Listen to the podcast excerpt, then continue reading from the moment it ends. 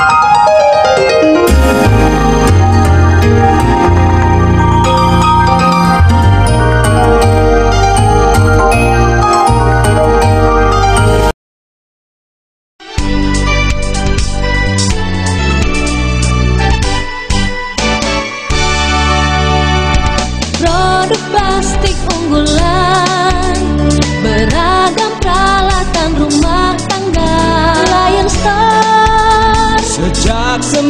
1972 menghasilkan ribuan produk inovatif.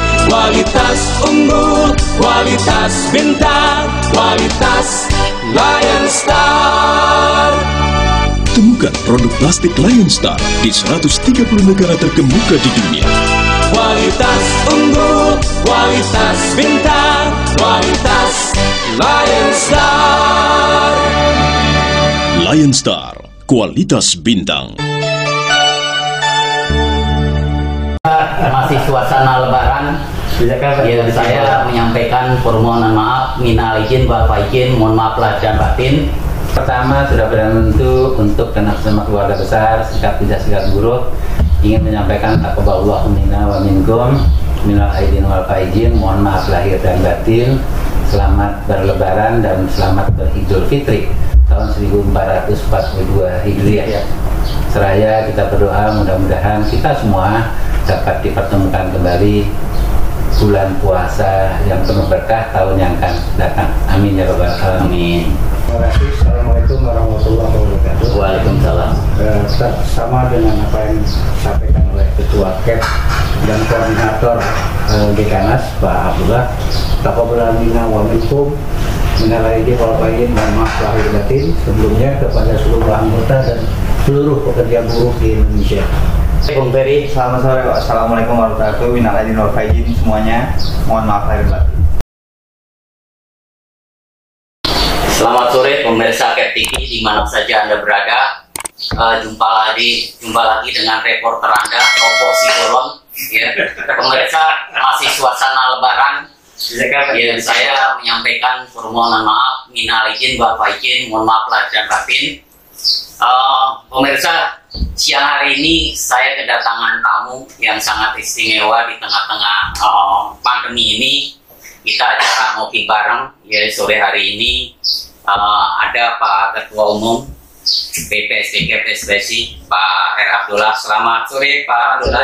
Selamat sore. Assalamualaikum. Waalaikumsalam kemudian yang satu lagi tidak kalah pentingnya Bung Hakim Selamat.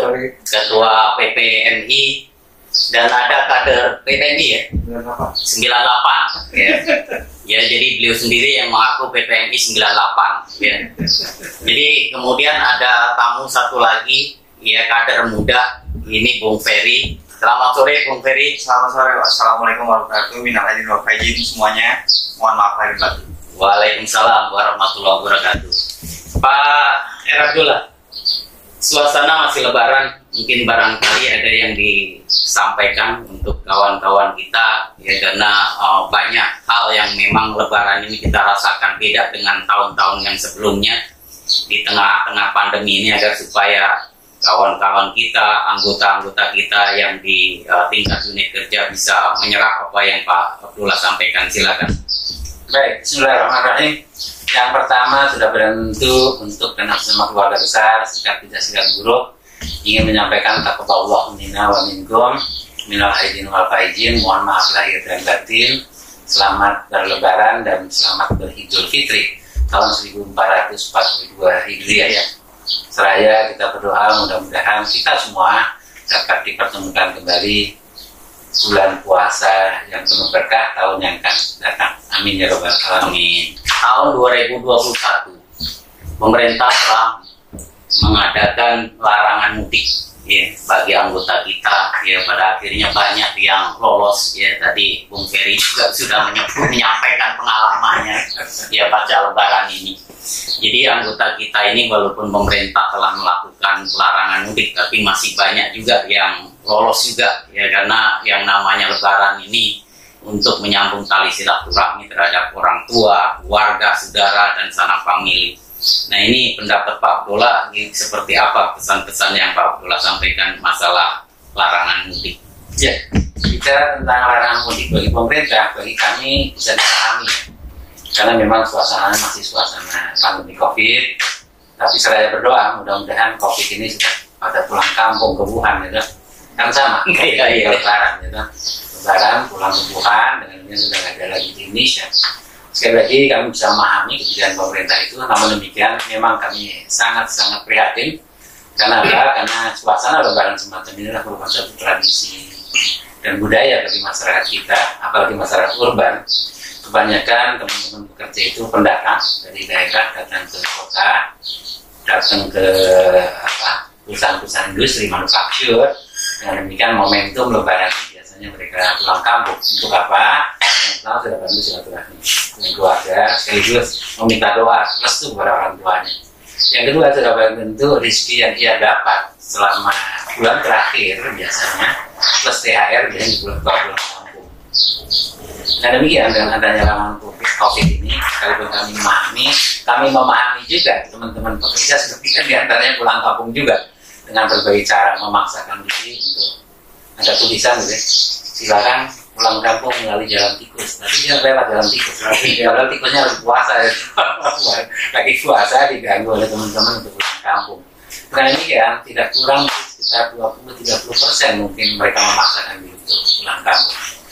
Sebetulnya dengan adanya mudik pulang kampung ini sebagai satu transformasi ekonomi gitu dari kota ke desa. Dengan mereka pulang kampung contoh di Kabupaten Bekasi jumlah pekerja tidak kurang dari satu juta pekerja yang kurban. Dan mereka pulang kampung kalau mereka rata-rata upah minimumnya lima ratus kalau dua bulan mereka bawa pulang kampung kurang lebih sudah 10 juta. Ketika satu orang 10 juta dan penduduknya tidak kurang dari satu juta 200 berarti tidak kurang dari 12 triliun kali ya? 12 triliun transformasi uang dari kota ke desa. Dengan demikian akan terjadi pemerataan masyarakat desa yang selama ini tidak dibelanja, tidak dibeli oleh masyarakat kota hari ini dibeli. Namun demikian dengan adanya larangan mudik kita tentu ini juga menjadi persoalan besar bagi masyarakat desa termasuk dalamnya masyarakat pekerja.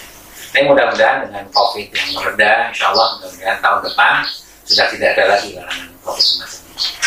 Pak Abdullah, eh, masalah larangan pulang kampung, ya banyak keluhan terutama eh, masyarakat di pedesaan. Dengan larangan mudik ini pada akhirnya perekonomian di desa-desa maupun di daerah ini relatif eh, tidak berkembang.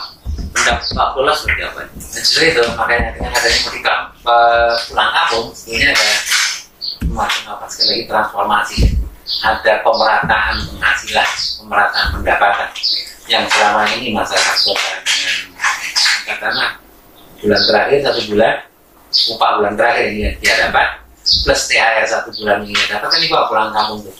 Dari biaya transport sampai untuk kepentingan kepentingan keluarga di kampung. Termasuk dalamnya zakat juga di kampung gitu sudah bantu jumlahnya cukup besar nah, sebab itu sebetulnya dengan larangan mudik ini sudah bantu akan akan mengurangi ya penyebaran penyebaran ekonomi dan eh, aliran ekonomi dari kota ke desa. Oleh sebab itu sekali lagi kami berharap banyak mudah-mudahan larangan semacam ini untuk tahun terakhir. Mudah-mudahan tahun 2022 hari raya Fitri yang ke 1443 ya yang akan datang mudah-mudahan tidak terjadi larangan lagi. Amin.